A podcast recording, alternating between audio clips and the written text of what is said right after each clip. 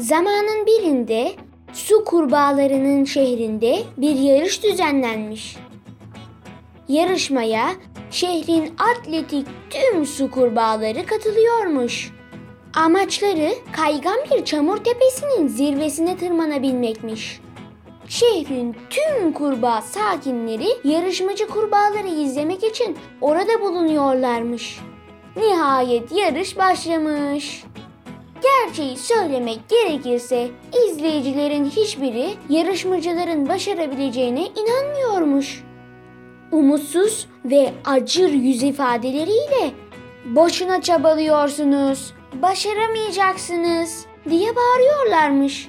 Yarışmacılar tam da beklendiği üzere birer ikişer yarışı bırakmaya başlamışlar bu umutsuz bağırışların arasında. Derken kaygan çamur tepesine tırmanan neredeyse hiçbir yarışmacı kurbağa kalmamış. Tüm atletik yarışmacı kurbağalar önce bu umut kırıcı tezahüratlarla ümitlerini ardından da tırmandıkları noktadan aşağı doğru kayarak kazanma şanslarını kaybetmişler. Fakat o da ne? Bir su kurbağası kendisinden hiç de beklenmeyecek bir performans göstererek kaygan çamur tepesine çıkmayı başarmış.